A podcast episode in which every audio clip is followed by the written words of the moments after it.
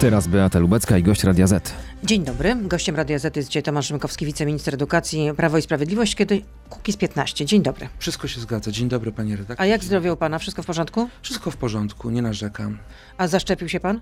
Tak, oczywiście jestem zaszczepiony. Niedługo Trzecia szykujemy się, szy- szykujemy się z żoną z racji na to, że chcemy jeszcze syna najstarszego zaszczepić, który już może być szczepiony. W trójkę chcemy udać się w najbliższym tygodniu na szczepienia, ale podejrzewam, że po posiedzeniu Sejmu, bo gdyby na przykład jakaś gorączka wystąpiła, żeby normalnie móc funkcjonować, więc dopiero po posiedzeniu No Sejmu. to i tak Dzisiaj to, i tak obowiązki by spadły na żonę. Taka jest prawda. Y, Jak przyjmowaliśmy wcześniejsze dawki, ja powiem szczerze, nie miałem żadnych e, skutków ubocznych, tak zwanych nopów. Natomiast żona rzeczywiście miała jakiś taki lekki stan podgorączkowy, więc w związku z tym, chuchając na zimne, wolimy w takim momencie, żeby ewentualne jakieś Asekuracja potrzebna. dyskomfort asekuracja nie, potrzebna. nie sparaliżował nam możliwości funkcjonowania. Małopolska kurator e, Barbara Nowak nie chciała podzielić się tą informacją, czy się szczepiła, czy nie szczepiła, ale y, dlaczego jest nie do ruszenia? Ja nie wiem, czy jest nie do ruszenia. To znaczy, Jak to? my, Nie my przyjmujemy, my przyjmujemy y, tą jej deklarację z piątku, e, że nie powinna na ten temat zabierać głosu. E, cieszę się z tej refleksji. Ja się tego też trzymam. Bo pani redaktor mnie pytała o sport czy medycynę. Ja się nie chcę wypowiadać, bo się po prostu nie znam. No I uważam, że ona dobrze nie powinna powinien się wypowiadać pan głosu. minister Niedzielski, bo jest e, ekonomistą, a jednak się wypowiada, bo jest ministrem zdrowia. No ale rozumiem, że pani Barbara Tak, Nowak Barbara napisała, Nowak. Napisała to, co napisała y, na Twitterze, że już nie będzie się wypowiadać y, na temat y, szczepień, ponieważ nie jest medykiem, nie ma Bardzo tego dobrze. wykształcenia, tylko jest historyczką.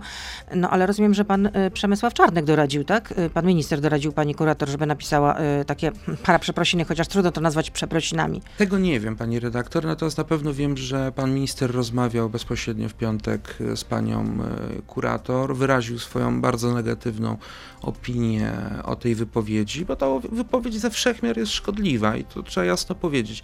Cieszę się, że ta refleksja nastąpiła i to jest też, bym powiedział, sygnał do wielu innych urzędników państwowych, czy to z administracji oświatowej, czy też z innych sektorów. E, Polityka państwa, polityka rządu opiera się na programie szczepień. Olbrzymi wysiłek włożyliśmy w to, aby te szczepionki trafiły. Ta sieć punktów szczepień jest naprawdę gigantyczna.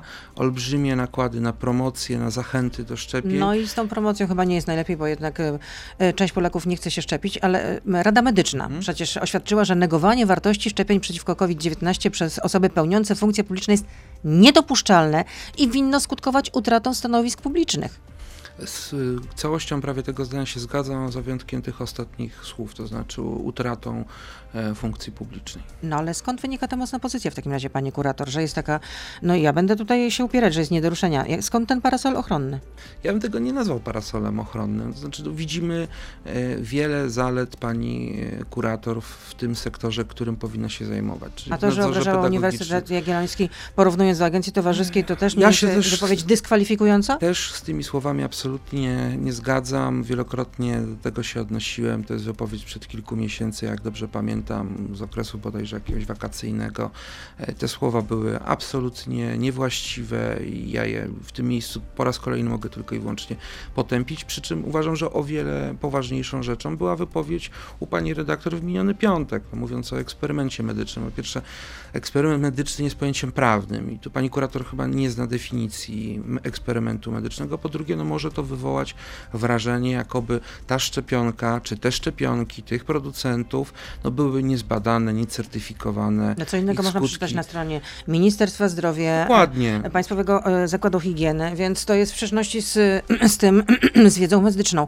Ale, Pełna e, zgoda. Ale jeszcze e, chciałam zapytać, jak to się dzieje, że e, o tym, że dymisji nie będzie, pani kurator, e, to ogłasza w Sejmie e, szef Klubu Parlamentarnego Prawa i Sprawiedliwości, wicemarszałek Terlecki, a nie minister Czarnek? Mm, Panie redaktor, nie wiem jakie były ustalenia między obydwoma wymienionymi panami. Ale ja się cieszę, że ta de- deklaracja już padła, aby przeciąć wszelkie spekulacje i z jednej i z drugiej A strony. wojewoda nie powinien podejmować takiej decyzji? E, Panie redaktor, no taka decyzja widać już została wcześniej ustalona między panami. Ja nie A decydowałem, pan nie wysłał przecież wpływu. pismo. Miał pan Ja rozmawiałem, ja rozmawiałem w po poniedziałek bez telefonicznie. Rozmawiałem telefonicznie w poniedziałek z panem wojewodą. Pan wojewoda e, miał się spotkać z panią kurator w najbliższych dniach, nie wiem czy już to uczynił.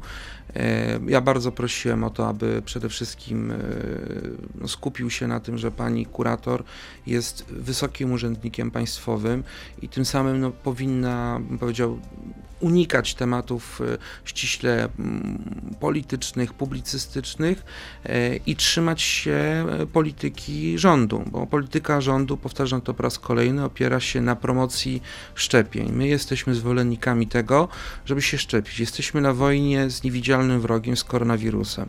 W tej chwili najskuteczniejszym orężem w walce, w tej nierównej walce, to też warto podkreślić, są szczepionki i z tych szczepionek powinniśmy korzystać. Ale pan minister Niedzielski również jest y, za tym, żeby y, odwołać panią kurator. Pan Ja, minister ja, zdrowia. ja, ja rozumiem e, m, zbulwersowanie pana ministra Niedzielskiego. Ja rozumiem ton jego retoryki z piątkowej konferencji prasowej czy z kolejnych. Natomiast proszę zwrócić uwagę, że no jest to jednak e, Ministerstwo Edukacji i Nauki, jest to dział administracji e, rządowej w terenie, bezpośrednio podległy e, wojewodzie. Nie jest to zastrzeżone dla ministra zdrowia i tak jak my nie chcemy wpływać na... jednak marszałek Terlecki, no ale w, także w, w szeregach Prawa i Sprawiedliwości pani kurator spotkała się jednak e, z takim e, no chyba potępieniem można powiedzieć, albo ma poważnych oponentów, no bo co napisała Beata Mazurek, była rzeczniczka Prawa i Sprawiedliwości, teraz e, europosłanka. Czy minister Czarnek jest głuchy? Jak wszyscy wiemy, z, z, z zaświadczeń lekarskiego nie ma problemu ze słuchem. No właśnie, to, to trochę no, wygląda na cyrk, no ale to jest jakaś jednak wojenka w waszych szeregach. Panie redaktor, no wiele osób możliwe, że się bardzo zbulwersowało. Ja nie ukrywam, że też należę do tej grupy osób, które e, no, mają pretensje do pani kurator za, za tą wypowiedź. Natomiast no, ja się przede wszystkim z jednej rzeczy cieszę, że nastąpiła jakaś refleksja. Późno, bo późno. Na pewno za późno ta refleksja nastąpiła. Mam nadzieję, że tego typu sytuacja w przyszłości się nie pojawi. I to jest też, bym powiedział, taka zbiorowa nauczka dla e, innych urzędników, funkcjonariuszy publicznych, aby w takich kwestiach, nie mając elementarnej, podstawowej wiedzy, bo powtarzam to, eksperyment medyczny jest pojęciem prawnym, który ma naprawdę bardzo poważne konsekwencje i wiąże się z olbrzymimi, powiedział, na, nakładami sił i środków, aby coś takiego Ja przeprowadzić pan dzisiaj i pana nie decyzjami. poznaje, pan dzisiaj jest po prostu taki grzeczny i taki uprzejmy. Ale po ja zawsze jestem, pani no Nie, no po redaktor, prostu no, jestem naprawdę dzisiaj, dzisiaj, można powiedzieć, lekko zszokowana. E, Ja pytałam wtedy e, panią e, kurator Barbarę Nowak między innymi w kontekście, czy będą obowiązkowe, czy powinny być obowiązkowe szczepienia dla nauczycieli, czy będą? Ja nie jestem y, przekonany do tego rozwiązania obowiązkowych szczepień dla nauczycieli. Już mówię dlaczego. Mamy trzy grupy zawodowe, które są najlepiej zaszczepione w Polsce. To są farmaceuci na pierwszym miejscu, na drugim pracownicy służby zdrowia, a na trzecim nauczyciele. Ponad 85% nauczycieli i pracowników niepedagogicznych oświaty to są osoby zaszczepione. No, ale jednak Znam- nie chce się szczepić. Znam dziesiątki szkół, gdzie 100% kadry pedagogicznej jest zaszczepionych. Znam szkoły, w których młodzieży ponad 80 czy nawet 90% jest zaszczepiona. I to są szkoły, które od 1 września ubiegłego roku aż do 20 grudnia bez jakichkolwiek perturbacji związanych czy to z nauką hybrydową, czy zdalną, czy w ogóle bez przypadku COVID-u w tej społeczności szkolnej wystąpiły. Ja mogę tylko i wyłącznie apelować, ale wydaje mi się, że powinniśmy się skupić na tych grupach zawodowych, które mają liczny kontakt z innymi ludźmi i są niezaszczepione. To Czyli kto w takim razie powinien być obowiązkowy? no przede wszystkim osoby, znaczy ja nie wiem czy obowiązkowo, natomiast ja mogę apelować o to, żeby się te osoby szczepiły. Te osoby, które mają masowy kontakt z osobami innymi, no mówię, pracownicy transportu zbiorowego, e, Sprzedawcy. pracownicy, no dokładnie, marketów, galerii handlowych, sklepów, którzy na, na co dzień mają kontakt z innymi osobami. Nie wiem jaki ten procent zaszczepienia w tych grupach zawodowych jest, ale wydaje mi się, że jest no, poza tym podium, które wymieniłem. To znaczy nie skupiajmy się na wąskiej grupie kilkudziesięciu tysięcy nauczycieli w skali ponad 650 tysięcy, no bo to, to, to, to jest marnowanie sił i środków. Rozumiem, o wiele będzie, większych grupach. e, Ja, ja uważam, że, że jest to marnowanie sił i środków akurat na tą konkretną grupę zawodową. I tutaj pauzę stawiam. Oczywiście pan wiceminister e, Rzymkowski z nami zostaje. Wiceminister edukacji jesteśmy na Facebooku, na Radio ZPL, na YouTubie, więc proszę zostać z nami. Beata Lubecka, zapraszam.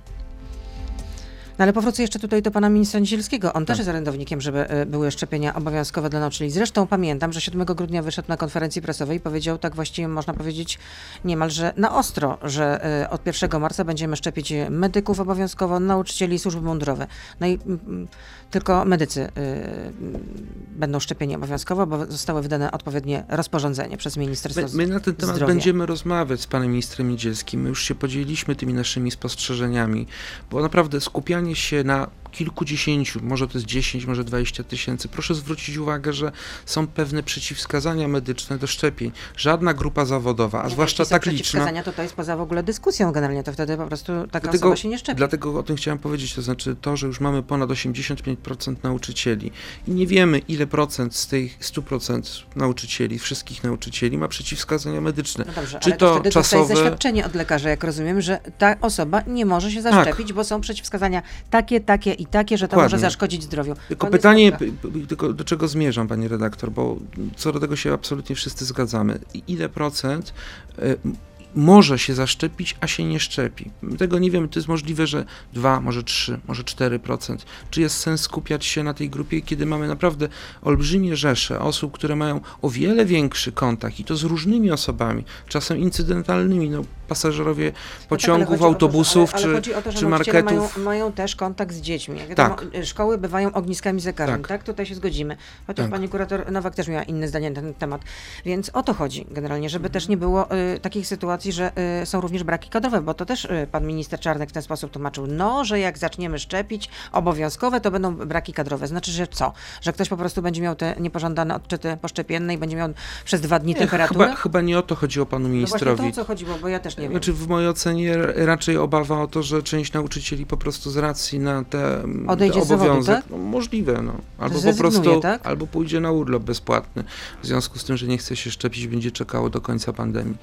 Yy, no, Nie chcemy takiej sytuacji No ale nawet wywołać. przecież no. prezes Kaczyński mówił o tym, że jest gotów pójść na całość, jeśli chodzi o obowiązkowe szczepienia dla wszystkich. Ja też bym to brał osób. pod uwagę, natomiast y, mam świadomość powiedział, e, natury i charakteru naszego społeczeństwa, e, bo my mamy umiłowanie wolności, to znaczy jeśli coś jest dobrowolne, to jest o wiele chętniej wybierane niż coś jest przymusowe. No, ja przynajmniej taki mam też może- charakter. może jeśli ktoś, jeśli być- ktoś mi coś Może proponuje, szczepionki należałoby zapłacić, no to wtedy może by generalnie... pomysł PSL-u, tak, dopłata no, no, do, no, do, do szczepień. Nie, zapłacić za szczepionkę, żeby móc się zapła- e, A. zaszczepić, należałoby zapłacić. Okej. A pamięta pan, co się działo wtedy generalnie, kiedy okazało się, że pewne osoby zaszczepiły się jakby poza kolejką? No to wtedy podniosło się larą, że proszę bardzo, i wtedy jakoś ludzie chcieli się szczepić.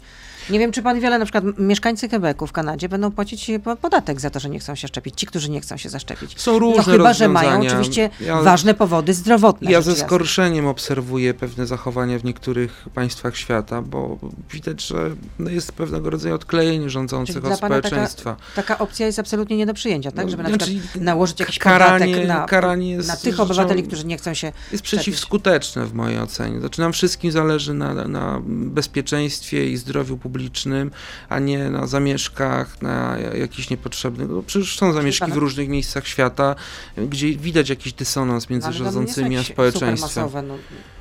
Mm, To jest kwestia już oceny. Ja nie uczestniczyłem w nich, nie byłem na miejscu, obserwuję tylko transmisje czy różne reportaże na ten temat i nie, wydaje mi się, aby to służyło tym państwom. I tego bym też nie chciał w Polsce, tego typu e, zdarzeń. To znaczy, ja uważam, że z racji na charakter nasz narodowy, że my bardziej No tak, wolimy słyszeliśmy takie wybierać, pana wybierać. wiceministra Kraski, nie tylko Kraski. Czyli rozumiem, że obowiązkowych e, szczepień dla nauczycieli nie będzie. Tak możemy podsumować w ten wątek. Obecnej takiej decyzji nie ma. Ja nie jestem w stanie, panie redaktor, powiedzieć, bo ja nie decyduję, o tym będzie decydował pan minister e, Przemysław Czarnek, pan minister e, mm, Adam Niedzielski, no i zapewne pan premier Mateusz Morawiecki. No, to będzie, będzie decyzja o charakterze będzie stricte politycznym. Przed nami są studniówki. Jak przestrzegać reżim sanitarny? Są wytyczne przygotowane przez y, Ministerstwo Zdrowia, nasz resort i e, Główny Inspektorat Sanitarny. Te wytyczne wiszą na naszej stronie, na innych stronach.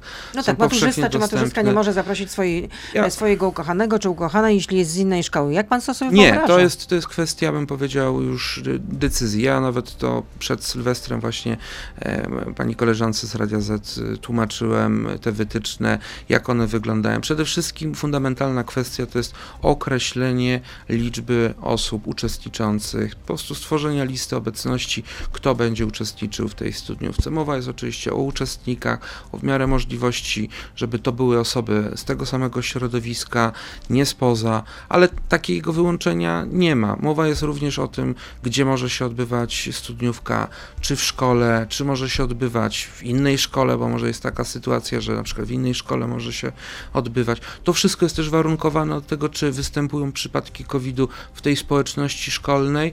E, No i tutaj bym powiedział dużo zdrowego rozsądku i dużo takich, bym powiedział, dobrych rad na zasadzie proszę przecierać miejsca wspólne, dotykane przez wielu A przy stolikach uczestników. powinny siedzieć, e, powinni siedzieć uczniowie z tej samej klasy? Li tylko? Takich wytycznych z tego co pamiętam chyba nie ma. Natomiast y, oczywiście my apelujemy o Maseczki? zdrowy rozsądek. No nie no, przy, przy, podczas posiłku czy podczas No nie, tańca. oczywiście, no to tak samo. E, natomiast chodzi na przykład. gdzie ludzie spożywają Wiem, że dużo, dużo posiłki. sensacji wzywało to, że, że mamy wycierać, dezynfekować miejsca dotykane i nawet była taka sugestia, że stoły. Nie. Chodzi przede wszystkim o miejsca w toaletach, m, różnej maści gałki do odkręcania wody, klamki przy toaletach, przy wejściach, poręcze, miejsca takie, które i, i to tak jak ma miejsce w restauracjach, to znaczy tutaj łączymy ten reżim, który obowiązuje e, w placówkach gastronomicznych, e, akurat na to jedno wydarzenie. My nie zamykamy w żaden sposób możliwości przeprowadzenia studniówki. Jest, są pewne ograniczenia, co do tego nie mam wątpliwości, natomiast no, no, chcemy, żeby te studniówki były, aby e, to zwieńczenie nauki, to przygotowanie do pierwszego najważniejszego egzaminu w życiu, no i się odbyło. Jeśli chodzi o naukę zdalną, czy jest e, rozważana w ogóle opcja powrotu do nauki zdalnej? No bo teraz słyszymy, że e, omikron się, nazwijmy to w ten sposób, rozwija i że wielu z nas może zostać zakażony, pomimo tego, że jesteśmy zaszczepieni, To bo prawda. szczepionki nie chronią aż w takim stopniu przed omikronem, e, te, które są ak- aktualnie dostępne na rynku, więc brana jest pod uwagę nauka zdalna? Panie redaktor, my mamy Co musiałoby się naprawdę, wydarzyć? my naprawdę mamy wiele scenariuszy. W chwili obecnej wróciliśmy do tego rozwiązania, które się sprawdziło między 1 września a 20 grudnia. To znaczy rozwiązania, w którym co do zasady szkoły pracują stacjonarnie, normalnie, bo tu muszę zrobić małą dygresję czy przypis. E, Panie rektor, mamy świadomość tego, że oczywiście e, w szkole może pojawić się ognisko COVID-u, że mogą się dzieci, ich rodzice, nauczyciele zarazić, ale też mamy świadomość skutków nie tylko edukacyjnych, braku nauki stacjonarnej, ale przede wszystkim skutków natury społecznej, psychologicznej, czy nawet w skrajnych wypadkach psychiatrycznej, no tej rozłąki, tego bym powiedział zaburzenia naturalnego rytmu pracy, socjalizacji młodych ludzi. I ważąc te rzeczy, nam naprawdę bardzo zależy na tym. Będziemy robić wszystko, żeby tą naukę stacjonarną utrzymać, o ile się to da. No bo jeśli będziemy mieli sytuację no jakąś katastrofalną, której nawet nie chcę w tej chwili na antenie wymieniać, żeby nie zapeszać, chociaż nie jestem osobą przesądną, e, no to oczywiście różne warianty będziemy brali pod uwagę. W chwili obecnej mamy wariant nauka stacjonarna, ognisko w szkole, ale są uczniowie, którzy nie mieli kontaktu z osobą zainfekowaną, to oni dalej stacjonarnie się uczą, natomiast ci, którzy mieli kontakt, idą na zdalne. I mówimy wtedy, że szkoła przychodzi w tryb hybrydowy. Takich szkół hybrydowych w tej chwili mamy sporo, no, ponad chyba 40, ponad 100, ponad 100 w skali 22 tysięcy szkół. Natomiast zdalnych szkół, gdzie cała społeczność szkolna przechodzi w tryb zdalny, wczoraj mieliśmy 10 na ponad 22 tysiące. Na dopiero- razie jest bardzo ale to jest dobrze. drugi dzień. Oczywiście i, i, Dzień nie możemy Po, po tej trzytygodniowej przerwie. nie, nie, nie możemy oczywiście tylko i wyłącznie na tym, jakby powiedzieć, opierać swojej wiedzy. My dynamicznie obserwujemy tą sytuację. Sytuacja jest, bym powiedział, rewelacyjna, ale jest tylko w tu i teraz. Zobaczymy, jak będzie wyglądał za tydzień i za dwa. Mamy też świadomość tego, że za chwileczkę będziemy mieli również ferie. To znaczy już na przykład No w pięciu województw... województwach. Małopolska, Wielkopolska, Lubuskie. O, świetnie. Pani lepiej wie niż ja, bo ja powiem szczerze, wiem, że w Małopolsce są ferie. Wiem, kiedy są w Mazowieckim ferie i wiem, kiedy są w Łódzkiem ferie. Bo na Mazowszu pan mieszka i z Łodzi pochodzi. No z Łodzi nie, nie, nie, ja z Kutna. A, tak, no ale to jest łódzkie. Łódzkie, to więc- prawda, to prawda, tak. Przy czym ja się czuję mazowszaninem, a nie łodzianinem w żaden sposób. E, Tomasz Rzymkowski, wiceminister edukacji jest z nami. Przedstawiciele organizacji nauczycielskich, ale także związków zawodowych oświaty, korporacji samorządowych, organizacji społecznych e, skupionych wokół kampanii Wolna Szkoła zaapelowali do premiera, żeby e, wycofać się z procedowania tych zmian, które proponuje Ministerstwo Edukacji, jeśli chodzi o zmiany w prawie oświatlowym, nazwane Lex Czarnek. Czy to nastąpi? Ale to do mnie pytanie, czy Mhm. pana premiera? No tak. Znaczy to powinno nastąpić Znaczy, ja, razie. ja, ja z panem premierem na ten temat y, nie, Nie rozmawiałem. rozmawiałem. Ja jestem zwolennikiem tych y, przepisów. Ale skoro jest taki duży opór społeczny, to dlaczego się przy tym Panie opieracie? to jest u, Mieliście słuchać Polaków. No i słuchamy, bo No. proszę mi, wierzyć, to jest dosyć spora ustawa. Tam jest wiele różnych regulacji, tylko jedna, jedna, jedna powiedział, norma tutaj jakby e, jest podnoszona i przykrywa całość. To znaczy kwestia dotycząca Zajęć roli zajęć kurator- roli rodziców, i którzy są oczywiście pomijani, bo w, tych Jak to wszystkich są pomijani? ale czy teraz są kurator będzie miał ostatnie słowo i rodzice mogą po prostu zaklinać rzeczywistość, mogą Nie. niewiele się zrzymać, a jak śli- kurator uzna, że Jeśli- dana organizacja nie powinna przeprowadzać e, Nie. takich, a nie innych zajęć pozaszkolnych, e, pozalekcyjnych, przepraszam, pozalekcyjnych i pozaszkolnych, pozalekcyjnych, to w takim razie to nie nastąpi i rodzice nie mają tutaj nic do rzeczy. Kurator oświaty ma obowiązek powziąć wiedzę na temat tego, jak mają wyglądać te zajęcia pozalekcyjne. Ma dostać po prostu I na dwa miesiące konspekt. wcześniej, No, chodzi o wyprzedzenie, żeby to spokojnie można było przeprowadzić. ale wiedzę też trzeba to jest, to, jest termin, to, prawda? to jest termin zawity dwumiesięczny. Jeśli kurator w ciągu dwóch miesięcy nie udzieli odpowiedzi, to zgodnie z tą proponowanym rozwiązaniem no, no, można... Dyrektor, dyrektor się nie udzieli odpowiedzi, tak? Je, nie, kurator? kurator, kurator, Kurator? jeśli w ciągu dwóch miesięcy, w tym terminie właśnie wyznaczonym przez ustawodawcę, nie udzieli żadnej odpowiedzi, to znaczy, że milcząco się zgadza. Po to jest te dwa miesiące, żeby był czas, żeby kurator mógł zdecydować na to, czy można, czy nie, czy, czy zostały spełnione wymogi, bo to nie jest, Ale redaktor, jedna podstawa, nie, skoro, nie kurator. Skoro żeby, jeśli rodzice Podmiotowa- e, wyrażą zgodę na piśmie, to ich dziecko, ich pociecha może brać udział w jakimś Gwarantuje, e, gwarantuje pozalekcyjnych, pani redaktor, proszę mnie trzymać za słowo, że nie będzie ani jednej sytuacji w Polsce, gdzie 100% rodziców danej klasy czy danej grupy wyrazi zgodę na udział w zajęciach pozalekcyjnych w szkole czy w innej placówce opiekuńczo-wychowawczej, edukacyjnej, żeby kurator e, nie wyraził zgody. Takiej możliwości po prostu nie ma. No ale pani Proszę Nowak, zwrócić uwagę. Barbara Nowak już wyłuszczyła generalnie, na czym to będzie polegać. I takich organizacji edu, edu, edukatorów seksualnych, jak na przykład y, spod znaku Ponton, czy też y, y, Lambda, nie wpuści do, y, do szkoły. Tak powiedziała. Bo moim zdaniem rodzice nie wyrażą zgody. pani A jak redaktor. wyrażą, to co wtedy? Jak wyrażą zgodę, to proszę bardzo. Będę pierwszym, który będzie e, pozwalał na wpuszczenie organizacji, na którą rodzice wyrażają zgodę. A dlaczego Dziś mamy- rodzice mieliby nie wyrazić Znaczy, e, panie rektor, krótka jeszcze dygresja dotycząca w ogóle jakby globalnie samego zagadnienia. Nie mamy problemu z zajęciami dodatkowymi, zajęciami dodatkowymi w szkole, z osobami, które odwiedzają szkołę, z szeregu różnych specjalności i zagadnień. Etnografów, regionalistów, miłośników zwierząt, zwolenników ochrony klimatu. Nie ma najmniejszego problemu. Tylko dwie rzeczy wzbudzają od lat problem. I to bez względu na to, jaka ekipa by nie rządziła. Pierwsze zagadnienie to jest właśnie seksualizacja dzieci, wbrew woli rodzicom i proszę Pani, bo No, to do nas teraz piszą, jest Pani tak, redaktor. że jeśli rodzic Mhm. nie da zgody na uczestnictwo dzieci, e, swojej, swojego dziecka, czy też swojej dzieci w takich e, zajęciach, no to dziecko nie będzie uczestniczyło, więc w Ale czym bywają, problem? bywają niestety takie przypadki, że są zaskakiwani rodzice, że takie zajęcia miały miejsce, a, że oni o tym nie wiedzieli. konstytucja, tak? Rozumiem, chociaż to akurat nie A to jest drugi, a to jest właśnie ten drugi segment, którym chciałem powiedzieć, czyli udział w różnej maści meetingach politycznych. I Ale to jest moim Co zdaniem to ma wspólnego z polityką? Ma Rozmowa bardzo dużo wspólnego. Pani redaktor, ja pani powiem taki przykład ode mnie z Kutna. Mówiliśmy o tym. Co prawda sprzed lat, ale miało to miejsce. Ojej, no to będziemy teraz odwoływać Nie, się no do dobrze, no to, to, to nie mówię o tym przykładzie, mówię Ale ogólnie. rozumiem, że tutaj, tutaj Dzieci organizatorzy byli e, zdarzają e, się przypadki. niewygodni dla władzy, tak? Nie, no bo zdarzają- pod patronatem e, jeśli Adama mogę- Budnara, ówczesnego Rzecznika Praw Obywatelskich. Nie, wbrew woli rodzicom. To był podstawowy zarzut, bo to rodzice nas poinformowali o tym, czyli Ministerstwo Edukacji i kuratora Małopolskiego Oświaty o tym wydarzeniu. Nomen że omen wbrew, Barbarę Nowak. Tak, ale, ale rodzice. To znaczy, to nie było tak, że nie, nie, ktoś z nas tam był na miejscu i się oburzył. Nie.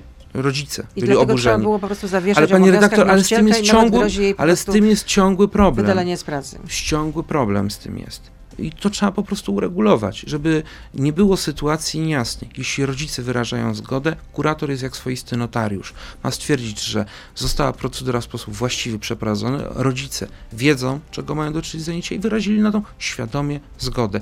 Koniec, kropka. Będę pierwszy, który będzie się domagał, że jeśli rodzice wyrazili zgodę, ja naprawdę jako rodzic trzech synów uważam, że rola podmiotowa, wynikająca z konstytucji, ale też i z umów międzynarodowych, gdzie to od rodziców zależy proces wychowania dzieci.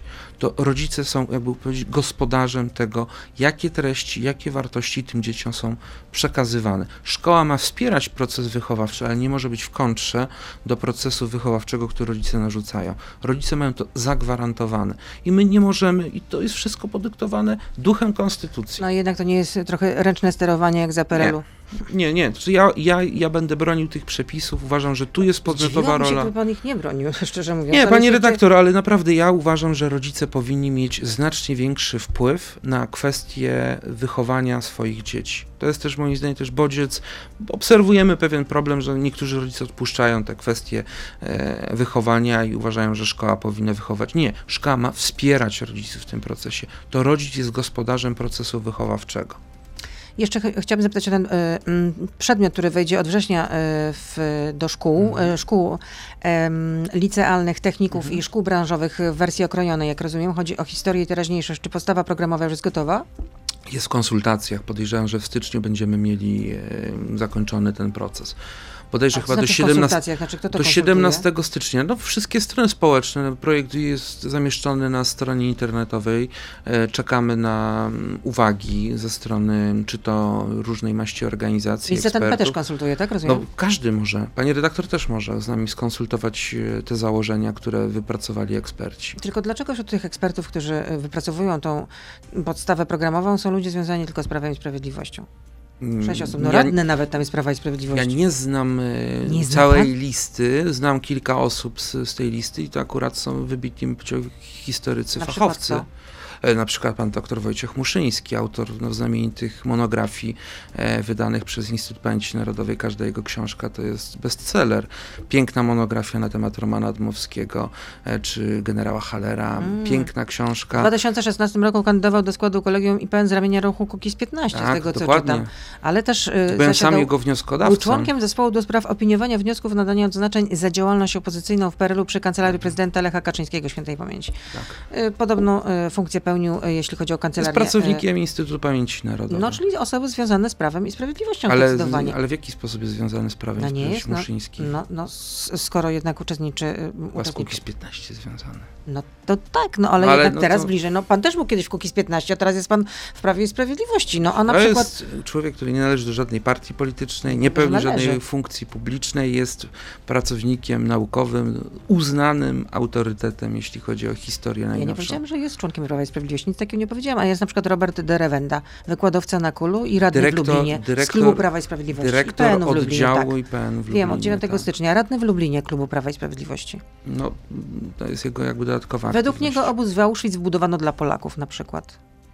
Y, No, a pierwsze transporty kogo szły do Auschwitz? No ale to dla Polaków wybudowano Ale nie, naprawdę? ale dla, kto, kto pierwszy trafiał do Auschwitz? No pierwszy, no ale... Ja, ja, nie jestem historykiem, też nie chcę tu wchodzić w rolę pani e, Barbary Nowak, natomiast no, jestem miłośnikiem historii, można powiedzieć, z zamiłowania, ale no, proszę powiedzieć, kto, jakie transporty. A tożsamość Polski zbudowana na, jest na żołnierzach wyklętych, tak? Jest to na pewno jeden z komponentów e, tożsamości naszej narodowej. Natomiast pierwsze transporty się tego trzymał. To były jednak Polaków. Ja nie kwestionuję tego, że e, miliony e, ludzi różnej narodowości zostało przez Niemców zamordowanych w obozach koncentracyjnych i dominowała społeczność żydowska, jeśli chodzi o ofiary obozu koncentracyjnego Auschwitz-Birkenau, obozu zagłady Birkenau. A dlaczego te, e, tej podstawy programowej nie konsultowano na przykład e, z Konsulto- towarzy... ale z Towarzystwem Historycznym? Konsultacje trwają w tej chwili. Znaczy, to, to, panie Ale, redaktor, ale, Wszystko odbywa się według tych procedur, tych, które e, są tych przyjęte od lat. osób, które e, opracowywały tą Mhm. e, podstawę programową jest je- taki dość jednorodny. No powiedzmy, że są to osoby jednak z poglądami takimi ultrakonserwatywnymi, czy nie? Panie redaktor, ja nie znam wszystkich osób. No, pani wymieniła pana Roberta Derewendę, pana doktora Wojciecha Muszyńskiego. Małgorzata Żary, na przykład historyczka, Historyk. żona pana y, byłego senatora Jana Żaryla. y, Autorka książek I historycznych, kierowniczka działu recenzentka. edukacyjnego powstającego 20 lat Muzeum Historii Polski. Tak. Który nie Znaczy, może no, to, to powstać, są no. wszystko osoby związane z nauką historii. Znaczy, nie braliśmy e, osób, e, które się nie zajmują. W tej chwili trwają normalne konsultacje. Zespół ekspertów przygotował propozycje. W tej chwili każdy ma prawo zgłosić uwagi, które będziemy, podejrzewam, czy ten zespół ekspertów uwzględniać. Ja nad pracami tej, e, tego zespołu. Ani nie czuwałem, ani go nie organizowałem, nawet nie znam całego składu zespołu ekspertów. Podoba mi się, mam pewne swoje uwagi zastrzeżenia też do tego programu. Przede wszystkim chodzi o kwestię jakby genezy e, tego programu. Znaczy uważam, że tu należy rozpocząć cały ten program od krótkiego, niepowtarzającego się, ale krótkiego podsumowania II wojny światowej, skutków geopolitycznych II wojny światowej, tak aby wyjść i wiedzieć, co się działo z państwem polskim, społeczeństwem polskim po zakończeniu II wojny światowej, bo to jest ten początek. Ta geneza musi być, moim zdaniem jest tutaj zbyt mało, mało zaznaczona. Ale jeśli chodzi o pewne zagadnienia, które się tam pojawiają, bardzo mi się e, niektóre podobają. I są pytania od słuchaczy. Radek pyta. Proszę zapytać pana ministra, dlaczego prawie wszyscy byli i obecni działacze Kukiz15 z panem na czele rozczarowali tak bardzo wielu byłych ich wy- wyborców i stali się pisowcami z krwi i kości? Ja tego tak nie odczuwam, panie redaktor. W Zapisał się pan do 2015 PiSu, roku. Pan tak nie odczuwa. 12, w 2015 roku, kiedy startowałem w swoim okręgu wyborczym jako lider listy Kukiz 15, dostałem bodajże 11 tysięcy głosów. Startując y, z szóstego miejsca z Prawa i Sprawiedliwości, y, dostałem 21 tysięcy głosów. Znaczy, oczywiście ja, nie twierdzę, że jeden do jednego wszyscy moi wyborcy z tamtego czasu zagłosowali na mnie, natomiast uważam, że znacząca część Czyli rozumiem, tych porzucił środowisk pan Kukiz15, bo uznał pan, że po prostu to już nie rokuje na przyszłość, a Prawo Nie. i Sprawiedliwość, partia rządząca. Nie, pani tak, redaktor. Tam ja... można robić karierę. Nie, pani redaktor. No ja, i zrobił ja, pan, jest pan wiceministrem. ale to jest już pani teza, ja y, i bardzo się cieszę z tych słów, bo one mi schlebiają. E, natomiast proszę zwrócić uwagę na jedną rzecz. Y, ja na ten temat rozmawiałem, wielokrotnie też o tym mówiłem w mediach. Mm, Rozmawiałem na ten temat z Pawłem Kukizem wtedy, w 2019 roku. Dla mnie start z list PSL był nie do przyjęcia. I po prostu powiedziałem Pawłowi, no ja nie mogę startować z list PSL-u, mam propozycję z Prawa i Sprawiedliwości i z niej skorzystam. I ja od tamtej Pory, PSL. non-stop mam y, bardzo dobry kontakt z Pawłem Kukizem, zachęcam do e, skonfrontowania z nim opinii na mój temat. Szanujemy się i rozumiemy i, i, i, i cieszę się też e, z tych decyzji Pawła Kukiza, które niedawno podjął. Kolejne pytanie od słuchacza. Proszę wyjaśnić, jak to się stało, że w oświadczeniu majątkowym za rok 2020 wpisał pan dom o wartości 150 tysięcy złotych, Mhm. a rok później ten sam dom wart był 500 tysięcy złotych. Mhm. Aż taka inflacja? Nie, to znaczy 100 tysięcy złotych to była warta działka i fundament. 150 tysięcy złotych. tak, tak, no nie, nie pamiętam A tych, czyli w tych 2020 a potem no jednak dom już fundament, tak? stanął cały, no po prostu i to, to, jest, to jest ta kwestia. Rozumiem, czyli to był dom niekompletny, można powiedzieć, Nie, tak? no czy panie redaktor, zgodnie z tymi wytycznymi, bo ja to badałem, też mogłem wpisać, że no, działka i, i, i tyle, natomiast pytałem się w kancelarii Sejmu, jak e, wpisać działkę, na której mam wybudowany fundament. E, No powiedzieli, że jeśli nawet dom jest w budowie, rozpoczęta budowa i To nawet trzeba nie go- widać, to trzeba napisać, że dom. No i ja napisałem dom, przy czym, no mówię, wylany fundament, nie wiem jak to się nazywa, ławy, czy... Przepraszam, nie chcę, nie chcę zabierać głosu, bo się nie znam, że potem ktoś mi wytyka. Ojoj, teraz będziemy już... teraz Ostrożność zawsze, procesowa. Tak, każdym Nie, jeśli chodzi, jeśli chodzi o to, no, asekurować. to, to jest efekt mojej, moim zdaniem mojej uczciwości, jeśli chodzi o y, oświadczenie majątkowe i tutaj jestem pod tym względem bardzo, bym powiedział, ostrożny, mając doświadczenie innych polityków, którzy, nie wiem, odrzutowca nie wpisali albo zegarka, więc ja wpisuję wszystko. Nie no, Janusz Palikot nie miał odrzutowca, no bez przesady znowu. A co by pan zrobił, gdyby dowiedział się pan, e, e, że jest pan podsłuchiwany mm, przez Pegasusa? Mm, No trochę pewnie bym się zmartwił. Zmartwiłby się pan? A Tak, dlaczego? bo chciałbym, żeby na przykład moje prywatne rozmowy z moją żoną, czy z moimi rodzicami, czy w ogóle ze znajomymi e, uczestniczyły w tych rozmowach osoby, o których e, nie wiem. No, naturalną rzeczą przez osobę podsłuchiwaną no, jest raczej chyba negatywna emocja niż pozytywna. To proszę się wczuć w rolę Krzysztofa Brejzy. A mamy pewność, że był podsłuchiwany? No, no, tak wynika z, jednak z tych ustaleń chociażby tej kanadyjskiej instytucji Nie wiem. Citizen Lab. Mo- Sprawdzany mój, są telefon i jednak- mój, mój znajomy, który I tej sprawie hakowany ten się... telefon 33 razy, a najczęściej wtedy, kiedy właśnie była kampania wyborcza, kiedy Krzysztof Brejza był szefem sztabu wyborczego. Mm, Panie Koalicji redaktor, no ja nie mam takiej wiedzy, nie chcę się na ten temat wypowiadać. To dobrze, że powstałaby komisja śledcza w takim razie, byśmy taką A uważa. Pani, że ta komisja śledcza miałaby instrumenty? Sam byłem członkiem, nawet wiceprzewodniczącym komisji No, śledczej. sama pamiętam, że jak Prawo i Sprawiedliwość było e, w opozycji, to już chciał powoływać komisję śledczą w każdym, e, w każdej spornej sprawie, w każdej niemalże. No i co? Nie wydaje mi się, żeby Nie, nie komisja się, no. śledcza była w stanie to wyjaśnić. Znaczy, jakie instrumenty ma komisja śledcza, Pani zdaniem, które w sposób obiektywny, uczciwy dla społeczeństwa jest w stanie Tylko udowodnić, że była... przez prokuraturę? Zobaczymy. No właśnie, zobaczymy generalnie to. Więc z tego wynika, e, wynikają obawy o, opozycji, że sprawa zostanie zamieciona pod dywan. Pod dywan. E, Kolejne pytanie. Poseł Terlecki powiedział, że, Lex Czarnek, że w Lex Czarnek chodzi o to, by wychowywać dzieci na wyborców PiSu. No, który zagraniczny system edukacji był dla was inspiracją? Francja, reżimowe Niemcy? Nie, reżimowe Niemcy? No to chyba... Hmm. Czy może Rosja i Korea Północna? Ale Niemcy są reżimowe. No, Rosja nie, a Korea tym bardziej, tak? No tak to jest napisane, no ale to, No to tak, reżimowe też- usuńmy w takim razie. Francja, Niemcy, czy może Ja Rosja nie i Korea znam tej Północna? wypowiedzi pana marszałka Terleckiego i nie chcę jej Nie ja nie wiem, pan? czy ona w ogóle padła, czy, czy to jest fake. Nie chcę, bym powiedział, uczestniczyć w przemyśle fejkowym. Nie znam tej wypowiedzi, więc nie, nie, nie komentuję. Dlaczego właściwie nie można wprowadzić bonu oświatowego, aby do szkół prywatnych, na przykład z językiem angielskim, jako językiem nauczania nie chodziły tylko dzieci bogatych rodziców albo dyplomatów i oczywiście dzieci polityków Prawa i Sprawiedliwości?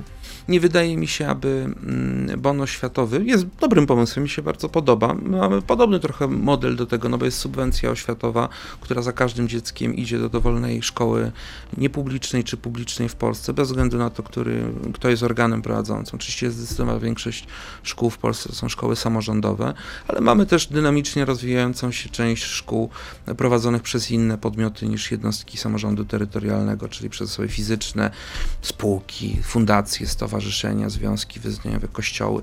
Jest cała paleta i ja ze swojej strony mogę powiedzieć, że wspieram te szkoły również niepubliczne, żeby się rozwijały. One też paradoksalnie rozwijają się na wsiach, w małych ośrodkach miejskich.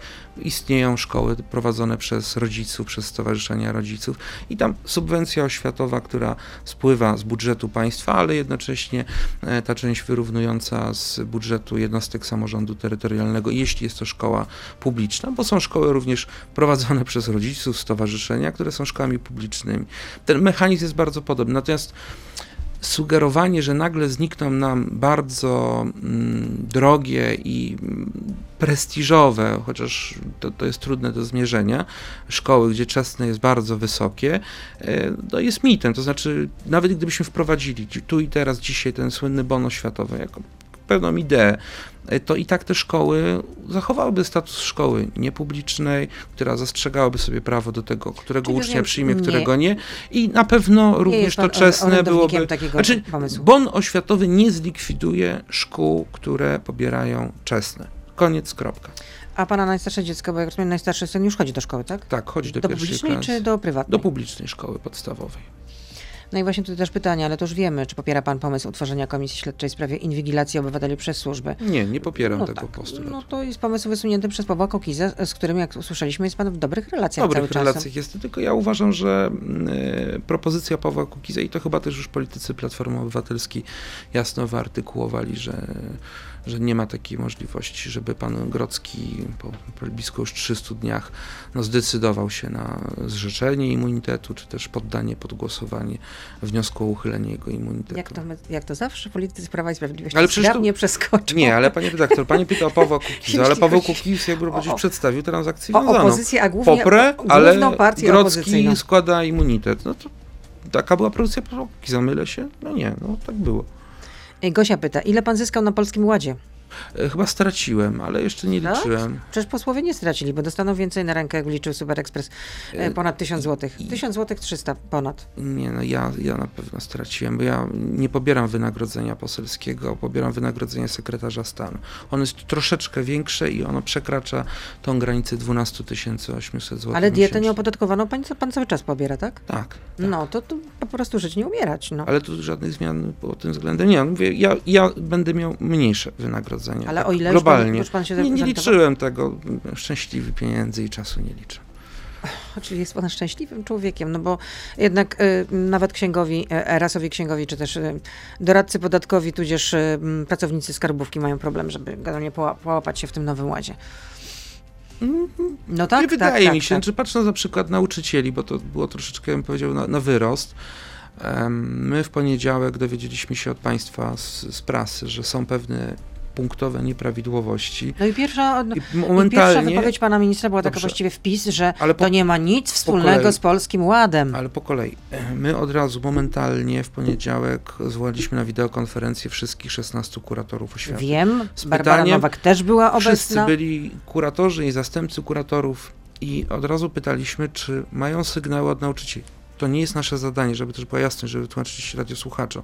My jako ministerstwo sprawujemy nadzór pedagogiczny i cała nasza administracja w terenie, czyli kuratoria oświaty, delegatury, wizytatorzy, oni sprawdzają przestrzeganie prawa, prawa oświatowego, polityki oświatowej państwa w terenie. Nie zajmują się kwestiami finansowymi.